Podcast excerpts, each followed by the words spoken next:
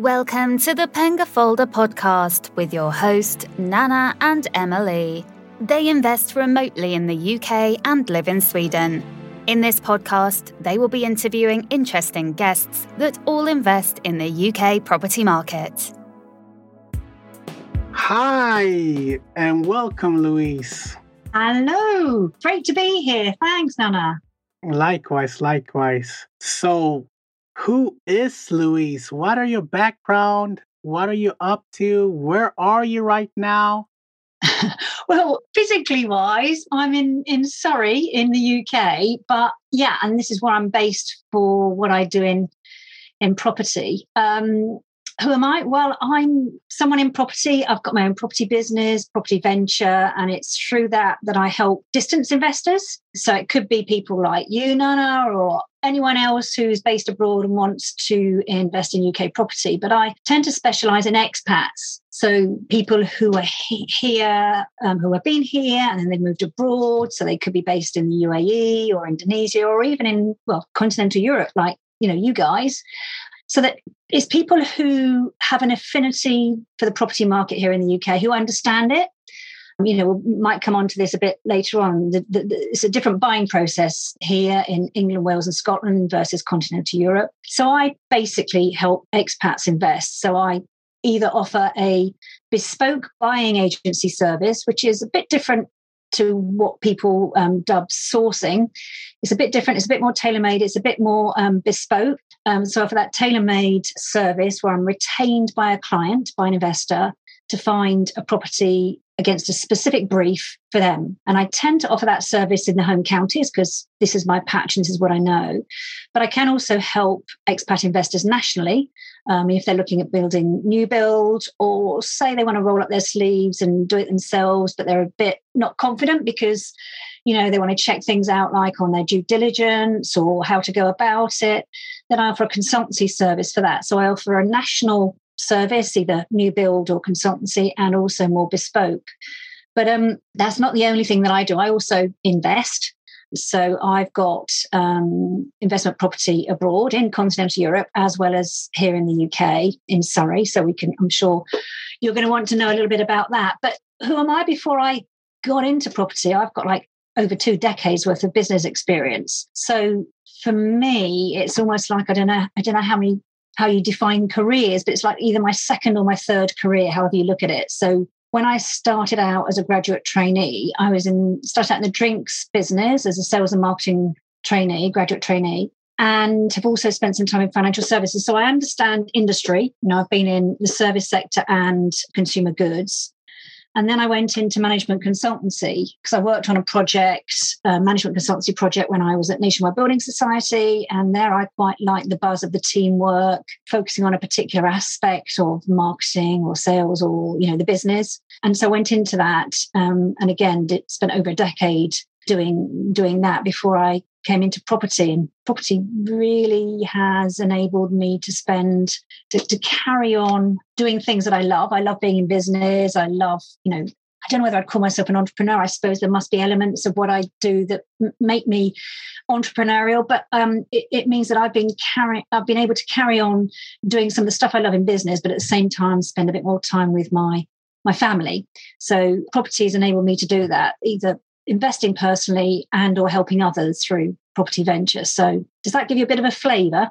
Yeah, it does. It does. So you mentioned that you invest in different countries. May I ask which countries that you invest in? Uh, no, I, I'm, I'm, I don't invest in lots of, in other countries. I've invested in Poland, so oh. in Krakow in Poland. In fact, I um, call myself a FTOB, a first time overseas buyer. I should probably be a FTIB, first time investor buyer. Well, FTOIB, first time overseas investor buyer.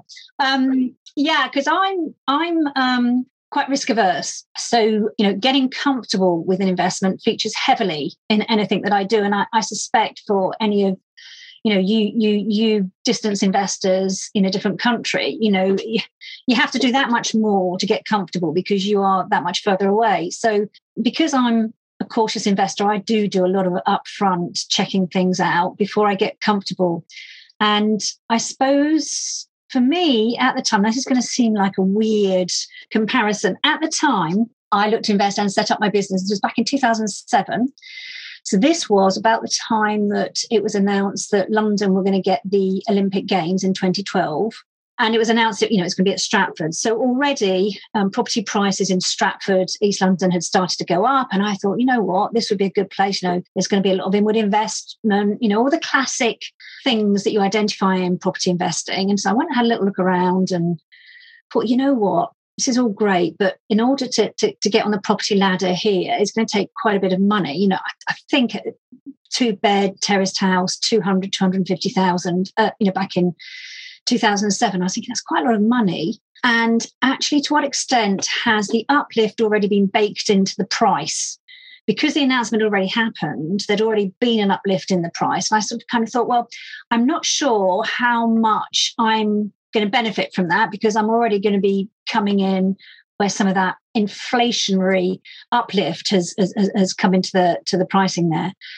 And at the same time, I was looking at, you know, overseas deals as part of setting up property venture. And um, a deal crossed my desk in Krakow in Poland. And it had all the hallmarks of things that I've come to like in property investing. So it was it was a small tenement building, so it had some character to it. It was an older building. It was um, there were only I think six units, six individual living quarters in this in this block, and it's what we would now call airspace. Right, you know, so it was being extended upwards, so it was getting another floor stuck on top.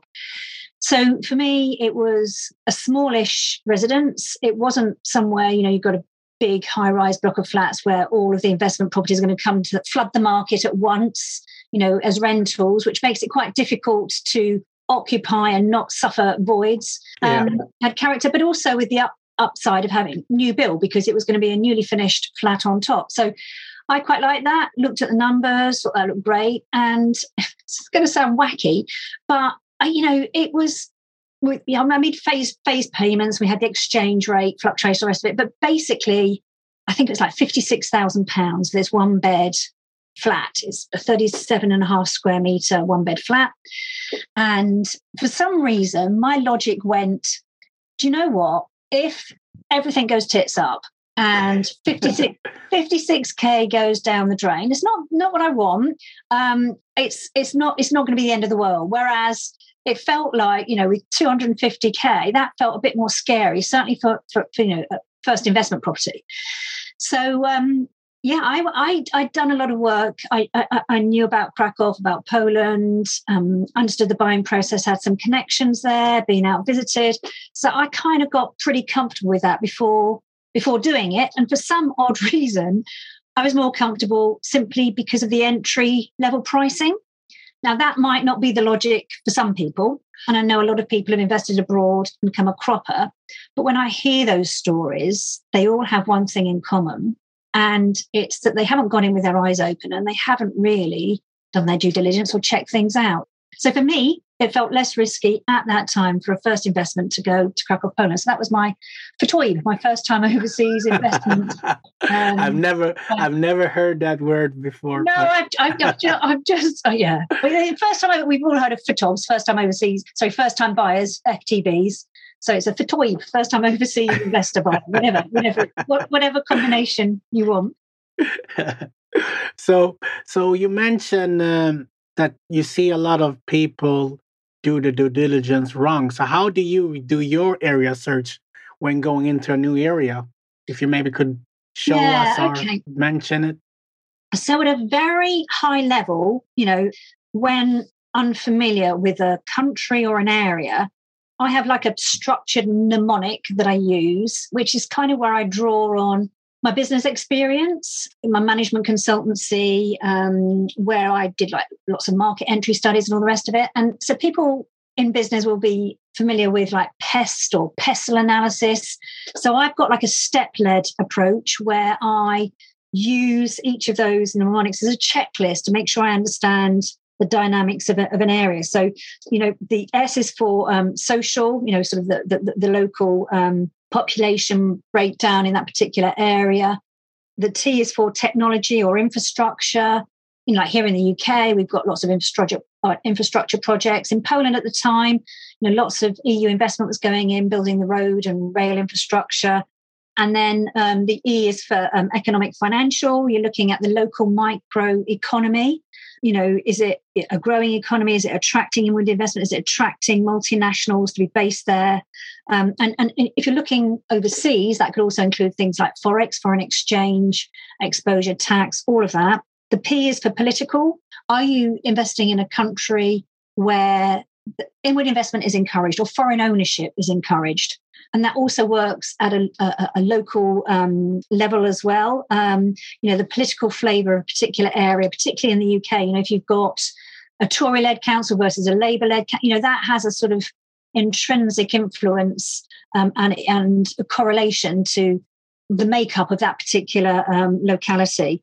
Um, the L is for, for, legal. You know, what's the legal framework? The buying, the the the, the rental um, framework, um, the environment. You know, if you, if your strategy is um, holiday lets, you know, you might well be targeting areas of national beauty because you can tend to get a premium rental for holiday lets in in outstanding areas. Diff, you know, different areas that distinguish themselves, like an area of national beauty would be would be a good spot. And D is that for the demographic, you know, the population makeup. If you're into bungalow flips, uh, you kind of want to be in an area where you know there's big demand for single story housing um, and that you know that you can sell it on very easily.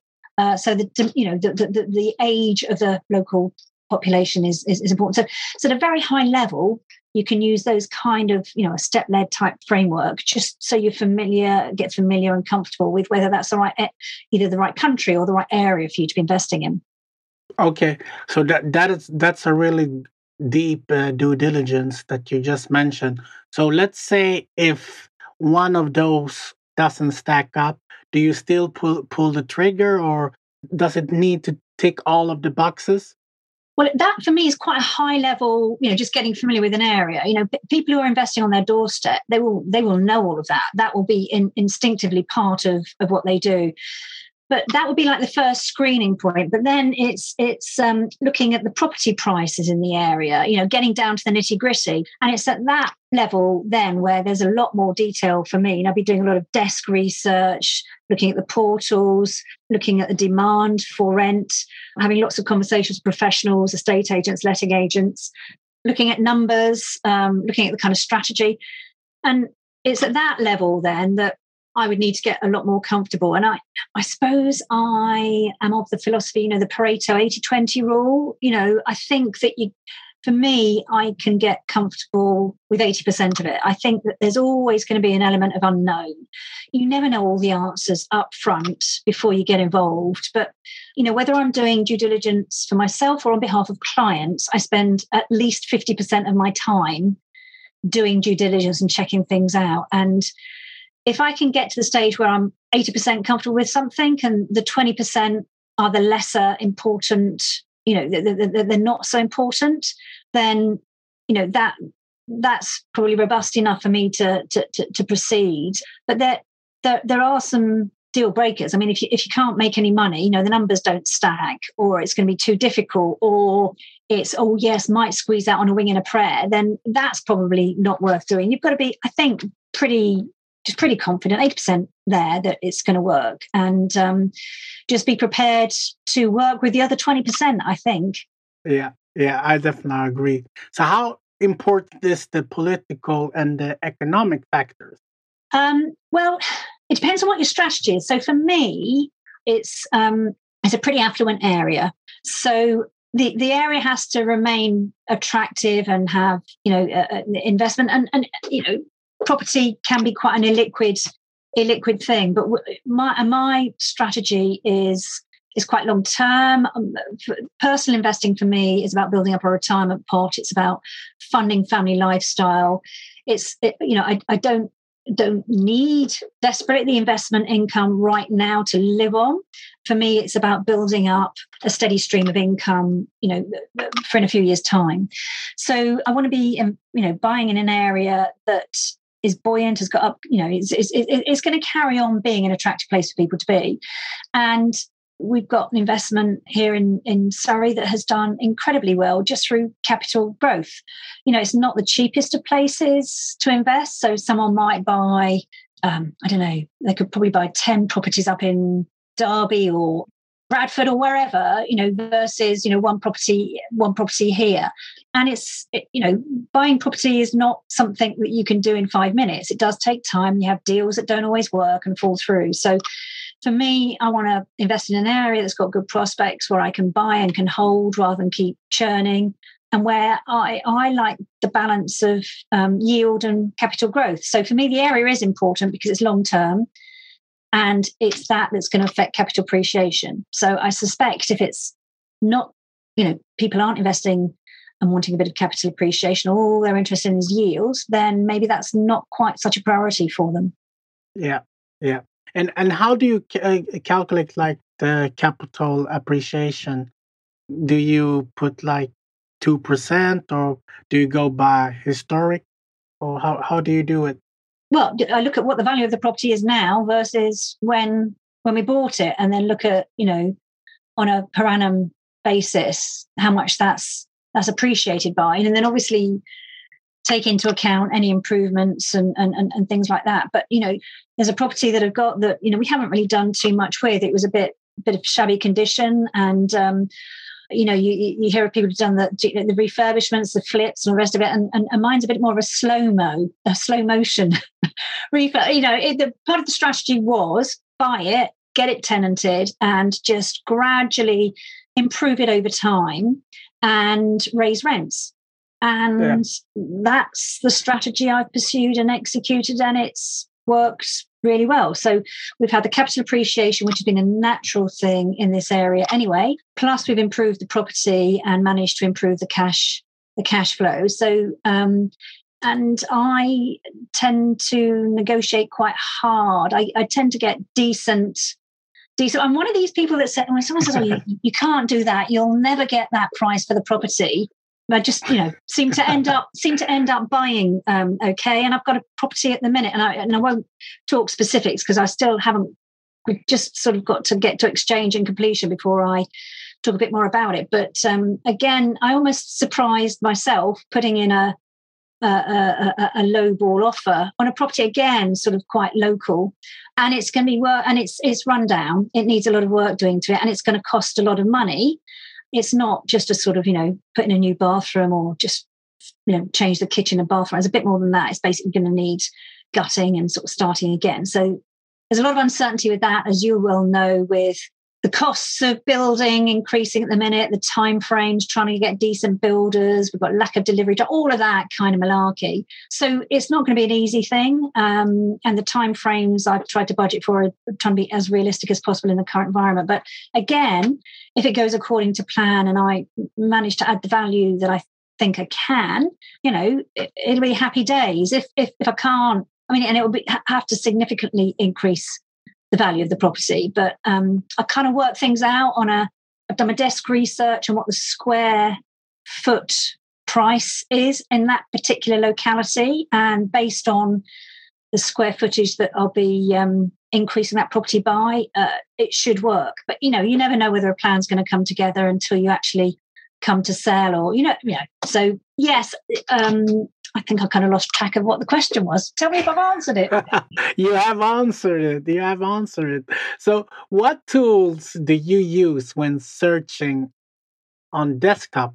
Like you mentioned, you you you do desktop research. How do yeah. you do it? Yeah, I actually quite enjoy doing that, you know, playing around on online. So I use all the classic stuff that anyone else would, the the portals, and all the rest of it. And I also lose, uh, use property data. There are a number of tools out there like property data, Sprift, all who sort of, not all who, they, they all have their different take, but basically consolidate a lot of that stuff, you know, so like the individual research source, like Locrating for, for looking at schools, crime rates, land registry, portal data. They, they basically, you know, bring all of that in one place and it saves a lot of time. So you can get a snapshot overview of you know what the capital growth is in a particular area what the average yield is and that gives a nice overview if you're looking at comparing you know surrey versus derby versus bradford versus birmingham whatever it might be i also you know do use Google Earth, Bing, just get different perspectives on different areas.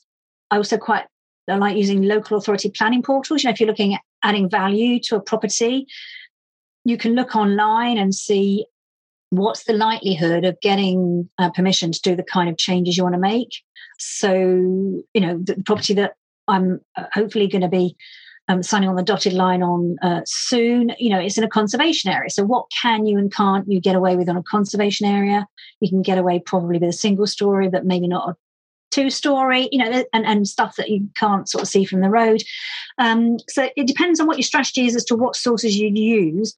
Yeah, I mean, and then there are some other, you know, uh, things that I've, I've, I've come across depending on what you're looking at, like Nimbus and Land Insight. If you're looking for development opportunities, you're looking for land, you can use all of those sort of tools and take. And in fact, they also give things like average rental yields and price per square foot and all the rest of it. So it's horses for courses, depending on what it is that you're looking at. But there's some of the things that I use. Okay, yeah, that that's good. It's, I I actually use also uh, property data, so it's good. We we actually had him on on the podcast explaining everything and so so yeah. Property data is uh, it's really good and obviously you need to use all of the the other ones you mentioned as well. So how do you mitigate risk then? Mitigating risk. I suppose this is where some of the marketing mindset comes in. It's like you know who is it that you're serving you know what it, what is your exit strategy? And working back from there it's like do you um, so for example in poland i wanted a long-term tenant who was basically working locally. Um, the location of the property is near lots of businesses big businesses and it's quite a basic flat. So for me it was thinking through you know what a professional tenant. Are we in the right place for that kind of tenant? Are we delivering the right kind of finish for that particular tenant and what's the price point in terms of rental amount going to be for that tenant? And likewise for, for you know the kinds of things that i'm doing um, here in the uk so mitigating risk i think is starting at the end and working backwards. What is it you're trying to trying to do and achieve? And then that will that will influence the, the, the, the location the type of property the kind of finish.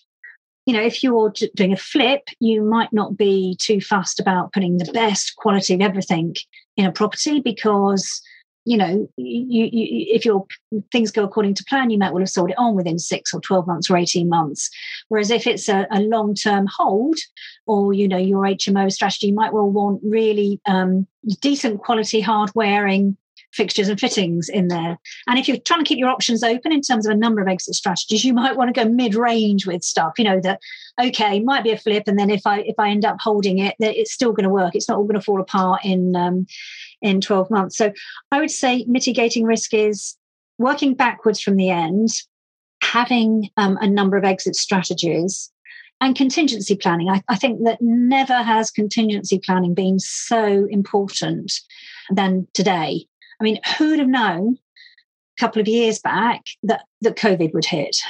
Who would have known that here in the UK we would not only have Brexit and COVID, you know, hitting the, the property market. So, you know, lack of lorry drivers for, for, for, delivering goods across all parts of the economy, some materials in, in, in short supply, costs of materials going up, uh, what might normally have been a six 12 week sort of turnaround on a project might well now be 24 weeks. So, contingency planning for me involves having a contingency budget built into your Excel spreadsheet or whatever it is that you use, having contingency timeframes and a range of different options, um, having contingency exits, you know, a number of different um, exits for getting out of the thing. And then also for me, starting early on there are some things that you can do, quite basic things, right at the outset.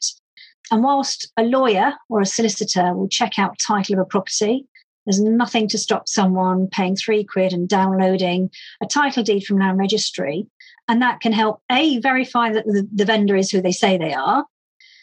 B, you know, you can check out if there's any problems with easements, you know, if there's any constraints on the title, if there's um, any charges on there. Plus, also you get a you get a feel for the history, pricing history, uh, which can also help with your opening negotiation. So there are some quite simple, cheap, accessible things that someone can be doing that can reduce risk and doing them quite early on in the process as part of the pre-screening before you've got involved with spending a load of money on legals and potentially getting an architect involved or whatever it might be that you're you're, you're going to be doing. So yeah, and starting early on means that you're not so time pressured because when we're all under you know kibosh of time, we will make mistakes like that. And uh, and actually, I've also learned to trust my gut quite a bit. For me, you know, if you if you've got experience in life and you've got a gut instinct, that's a distillation of knowledge, expertise, experience. And if that's grumbling and giving you a strange sensation, there's usually a reason, usually a reason why. And um, sometimes that might be because you're in an uncomfortable situation, you're trying something new. We all get that, you know, butterflies in the stomach. But it's trying to learn to identify that and separate it from alarm bell, gut instinct churning in the gut, which is quite different. So if you can distinguish the two, you can use that as an early warning signal to uh, maybe check a few things out or the, the, thing that's giving you cause for concern. And I imagine, uh, Nana, that must be the same for you, investing at, at, at distance. Yeah. I mean, does you, what, what role does your gut instinct play in it? It's it does a lot because when when you feel something wrong, you you you it's actually often wrong if you don't like you can double check it, but it I it, we walked away from a deal because it felt wrong. It was too much uh, uncertainty, so we just walked. And now our gut instinct said that, yeah, you should not take this. yeah. And we checked and checked and checked and checked. And well, yeah, this and this, and we're like, ah, uh, we just we should just go on our gut yeah. Do you know, and, and sometimes you can actually check that out. I, I before I um, went into this particular transaction that I've got going on at the minute, I went and had a look at another property. And in fact, I'd, I'd looked at loads of property, loads of properties online and just dismiss, dismiss. And I saw this one and I thought, oh, okay, it looks estate, but I can see that it could add value. I'll just go and have a look. And I went and had a look and I thought, oh my God, this is far worse than the pictures are showing. And my gut instinct was oh, well, partly run, but also partly, you know, it was in a really good plot. It was, a, it was a corner plot. There was a lot of potential for doing stuff, but the actual building was in such a state, and the vendors, for all sorts of reasons, you know, it, it was a kind of a probate sale. So that the vendors had done all sorts to the property, but they just didn't look as though they had got planning the right permissions in place for having done that. So I thought, oh my goodness, it's not only all the work that I can see that needs doing, that there may be putting everything right that they've done. And it's funny because I had a meeting with an architect friend of mine, and I just sort of said, look, you know, I've got this and I've got this. And um, her gut instinct was the same as mine. I thought, yeah, got to trust my gut on that one. That's, yeah. Yeah, I think you should always trust your gut. yeah, yeah. So you mentioned um, all of this uh, it's so much important now to have contingency fee uh, in in your calculation how much do you have now during the the shortage the pandemic and all of this? How much do you price in and how much did you price in before? Yeah um well this particular project has been happening since um, the pandemic. Now, the rule of the rule of thumb is everyone's saying if you used to put ten percent in, you should be putting twenty percent in now. So I think I built it in, in in several places. I've built a bit of contingency in on the pricing for the individual elements. Uh, so I still have my ten percent contingency. Plus, also I've kind of trebled or quadrupled the time frames. So I'm kind of looking at the finance cost over a much longer period of time. And obviously, I really don't want it to last what I've projected in the spreadsheet and things will look a lot better. But I've kind of built it in, in a number of different ways, financially, time frame wise, how long I'll have to have the finances going for. And I'm, I'm trying to get everything in place before I actually take ownership. So I've, I've already got, you know, drawings about what I'd like to do with the property so that once we get, you know, to, to, to actually signing on the dotted line, I can I can push all the the buttons to try and reduce that time frame because it is going to require planning permission. And again, planning permission has been taking an awful lot longer to get because all the local authorities are short staffed and you know don't have time and all the rest of it. But again this is where the planning portal comes in. I've looked on the planning portal and there are a couple of similar things going on in the similar sort of area. And um, i might be surprised but the timeframes have actually been quite reasonable. So in a different area i think that, that there are problems. But in this particular borough i you know it may well you know they might still stick to this, the same timeframes. And these have all been going on during COVID. So I've checked quite a few things out in terms of contingency planning and, and checking out. And, and, I'm also putting in um, dual planning permissions. So I'm putting in for permitted development rights and for planning and see what happens. Because if full planning comes in, yay, happy days. um, you know, we can just go ahead and, and, and do the stuff. So uh, you, you, know, I've got to plan the works and schedule the works in such a way that we do all the bits that we can do under permitted development, and uh, hold off on the bits that are reliant on the full planning, and then just make a judgment call as to whether we're being, you know, sent around the houses, sent around the houses. It was another property uh, saying, but um, you know, whether we're being um, mucked around with timeframes. Because you know, a lot of councils will say, you know, on the deadline that they're meant to be giving a decision, they'll say, oh, that bit of paperwork's missing, or you know, and then make a judgment call as to whether or not it's even worth playing that game. So yeah, so I suppose contingency planning, and uh, I've done it in a number of different ways. Yeah. So how many X's do you have when you're going into a project? I think that you know theoretically it goes have several, you know, three or so. Um, I've got two. Um, I've got a, I've got a couple. Some people might need more, you know. So for me, it's either on this particular project, for example, it's either sell or if I can't um, crystallize what I've got in my Excel spreadsheet, then I'll hold rent and hold, and then maybe crystallize that and more in a couple of years' time. So this for me is where it helps being in an area where there's capital appreciation because it helps be a bit more forgiving. So if you know things go really don't go according to plan and the, the profit margin is not one that I can stomach, I also know that the rental market, and particularly for what I'm looking at doing, is particularly strong. So, yeah, both of those would work for me. So, I've got a couple. You know, some people might need more than that, or maybe the third um, exit option is an adaptation or a combination of, of, of, the first two, you know. Yeah, uh, I'm with you. So, w- what is the difference with uh, remote due diligence versus traditional? If you maybe could walk me through it. Yeah. Um, well, th- th- no, this will be unfamiliar to you because this, this, is what you do, isn't it? Um, for me, I think it's um, distance due diligence is due diligence on steroids.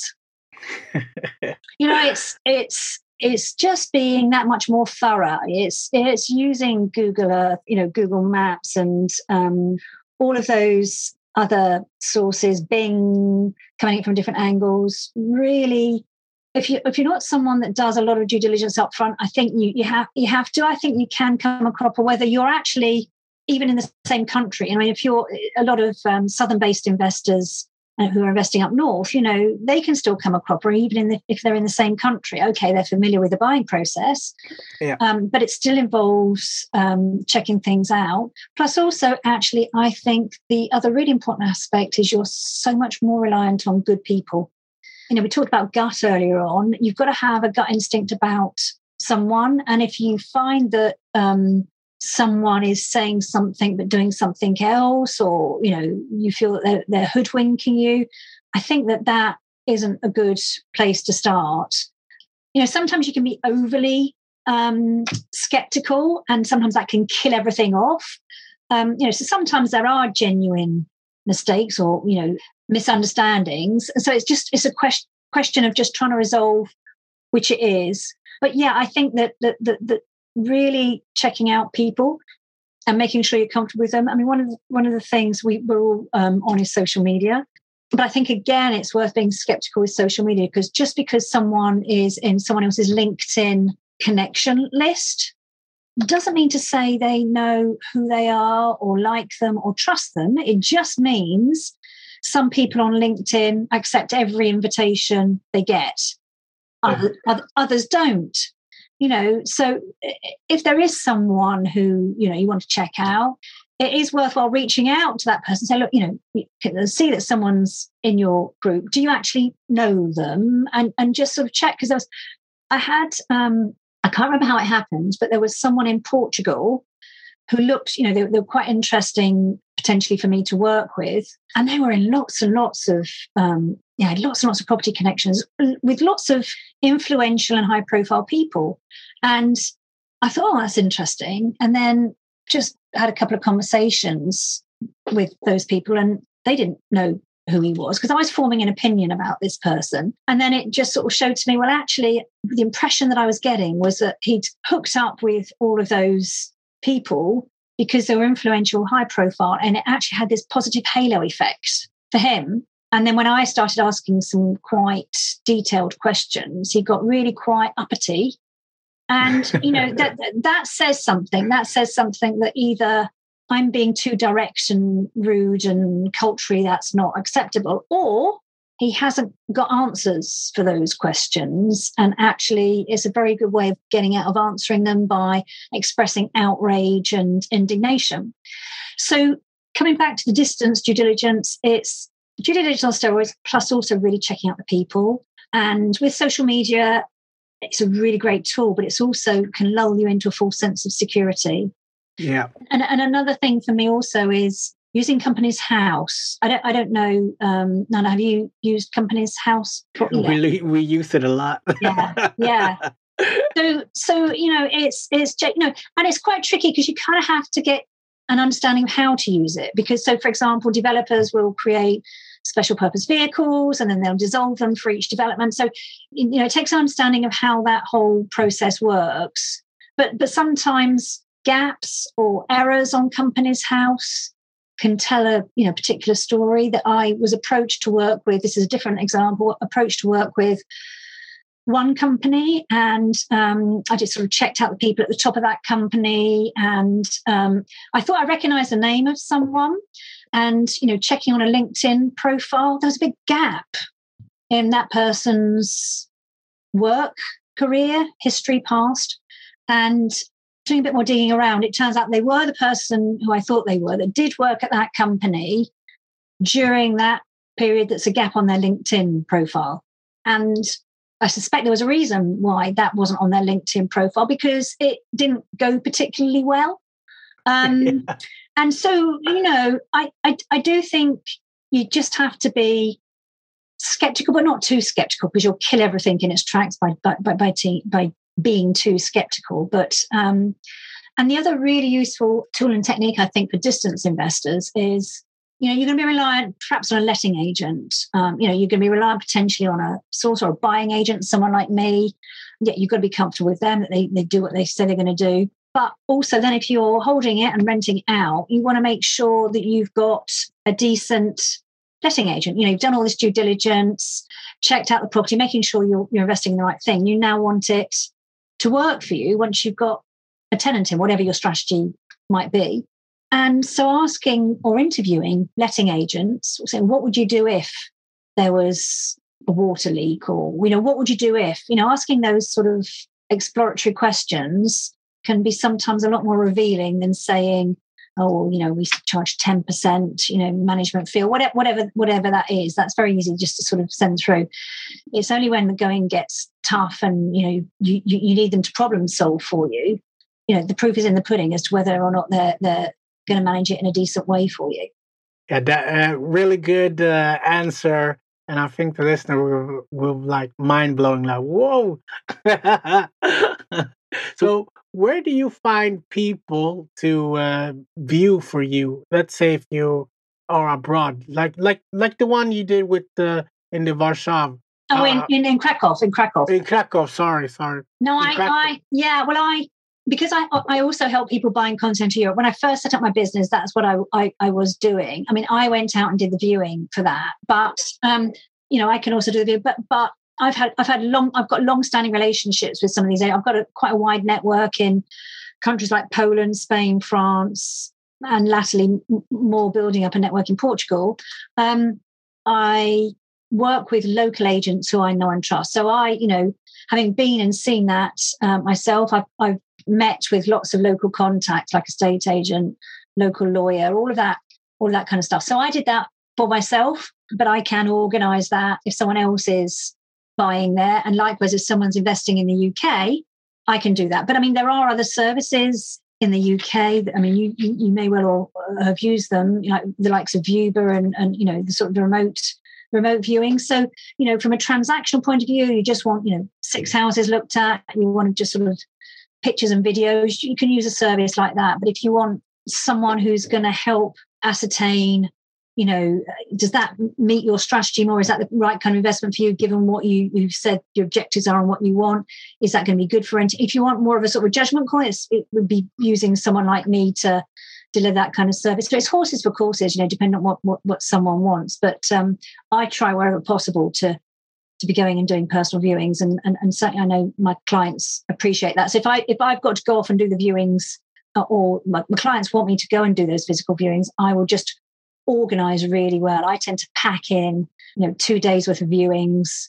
You always get, you know, viewings that are going to drop out, new ones that are going to, you know, between setting it up and going along. And I just try and make effective use of time. And likewise, if I'm going abroad, you know, I will and, and I suspect you you must do the same, Anna. But I would pack pack it in, and I would supplement it with meeting, you know, uh, professionals and whoever else I need to meet as well alongside that. So I think you have to be better organized when you're investing at distance because yeah. um, you have to make much better use of your time yeah definitely i agree i agree so how do you how does buying differ from one country to the next let's say when you bought in poland comparing with uh, with uk yeah no it's it's very different actually you're um, in sweden you must have a continental buying process you must have a not- notarized buying process in sweden do you? No, we no? use we we use solicitor. Uh, we use uh, estate agent only.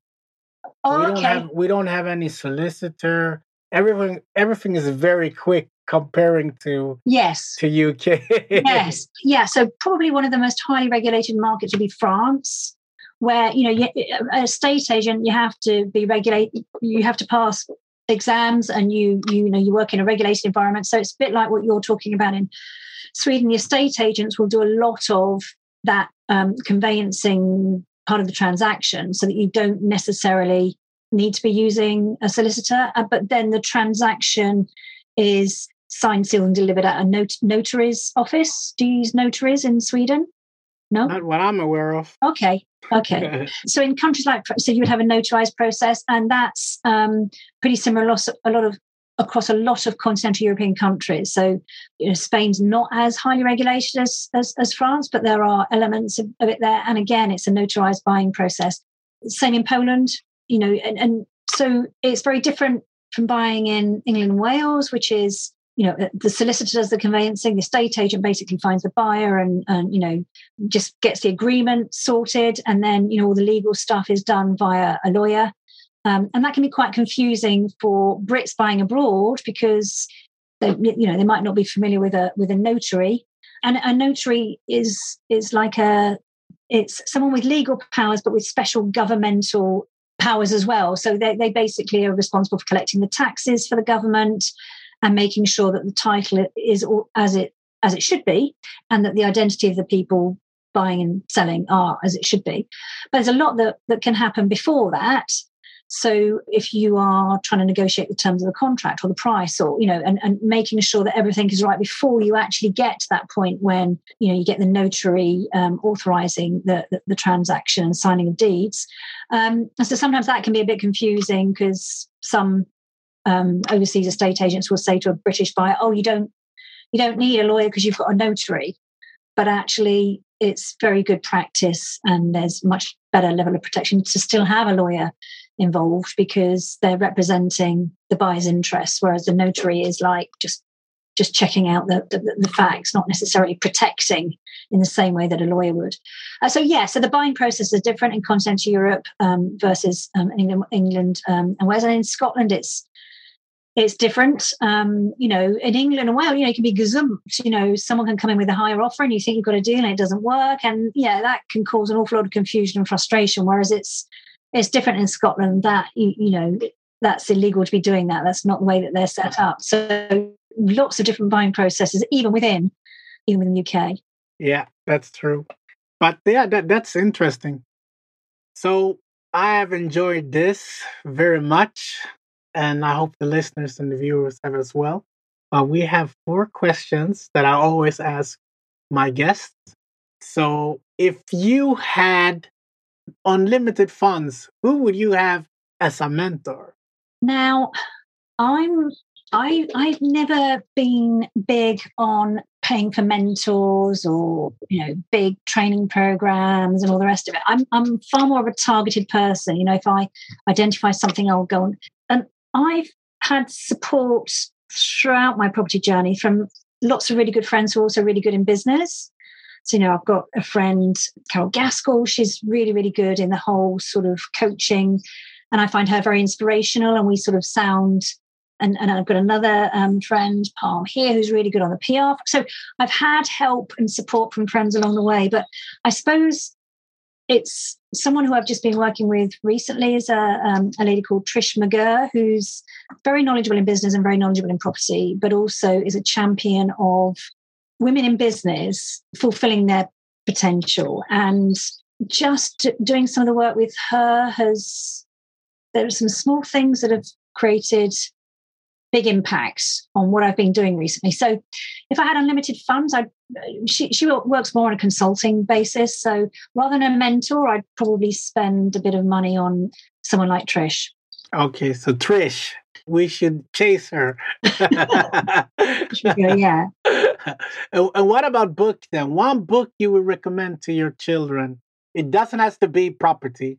Yeah, okay. Um, now, this is a really old book because it was one of the first books I ever read when I went into business that had a real big impact on my life, which was, I don't know whether you will have heard of it, um, Feel the Fear and Do It Anyway, Susan Jeffers. No, but if you say it's good, I will read it. uh, so, so, you know, we were talking about the gut instinct and, you know, you get this odd feeling in your stomach. Yeah. And sometimes that can be fear, it's the uncomfortable.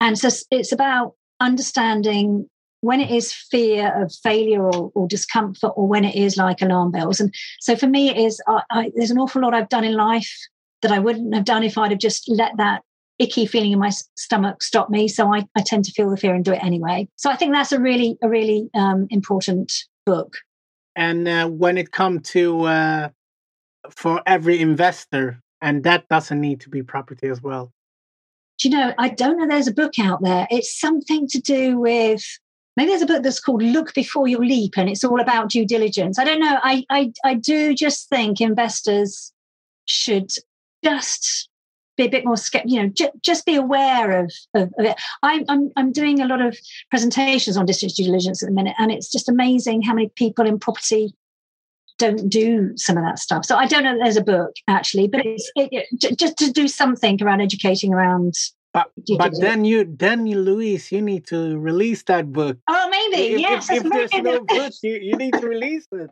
yeah, maybe, maybe. Maybe I'll okay. need to do, do, something, yeah. Okay, one property book then. Uh, you know, it's the classic, you know, Rich Dad, Poor Dad, Robert Kiyosaki. I actually found it a very irritating read because it was very American in its yeah. style but for me, it was, it's just fundamental at the start of property, or if someone has got family or friends around them that keep saying, no, you can't do that. No, you can't do that.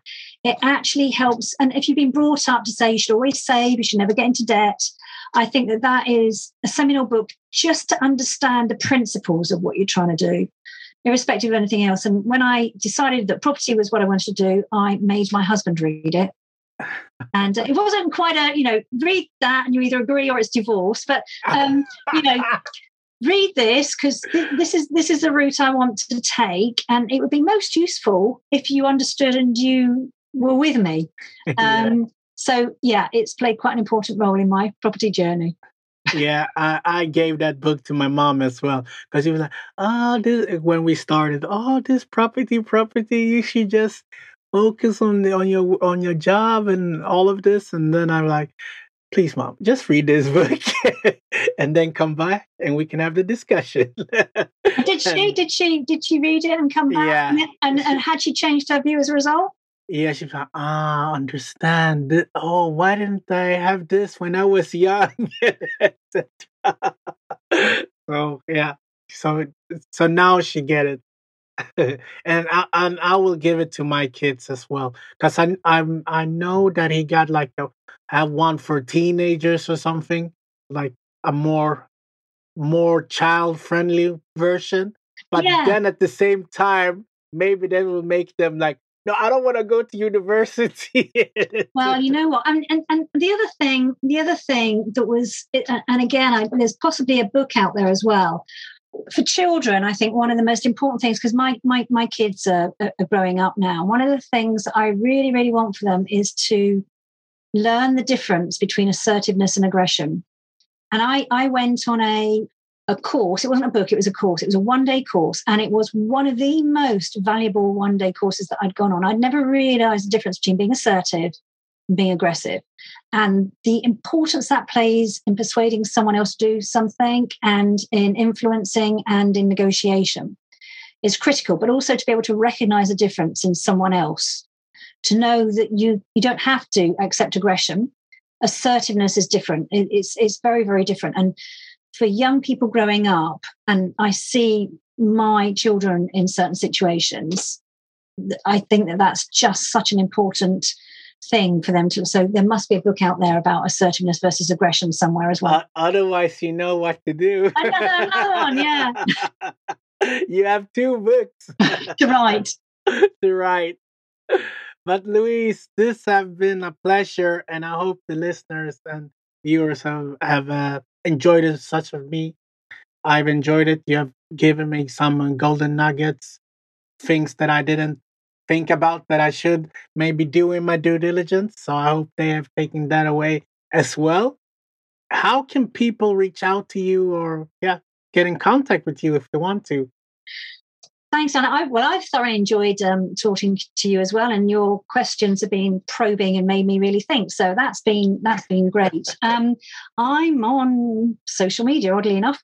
I'm on all the the major channels. I've got um, a LinkedIn profile under my name, Louise Reynolds, and Property Venture, but I use the personal profile. Facebook, Louise.a.reynolds. Instagram, similar handle and also YouTube. So if someone wants to get to know me a bit more, I've got, you know, it's it's not a major thing for me, but I d- there are some videos on there. Um, so yeah, please, you know, connect with me and send me a message and let me know that um, you listened to Nana's. Penga Flood yeah. podcast. yeah, listen to your podcast. it's difficult to say Penga Flood podcast. Yeah, well, no, no, or miracle properties. Yeah, very, very easy to. Listen, yeah, yeah. okay, people, don't be stressed. Invest.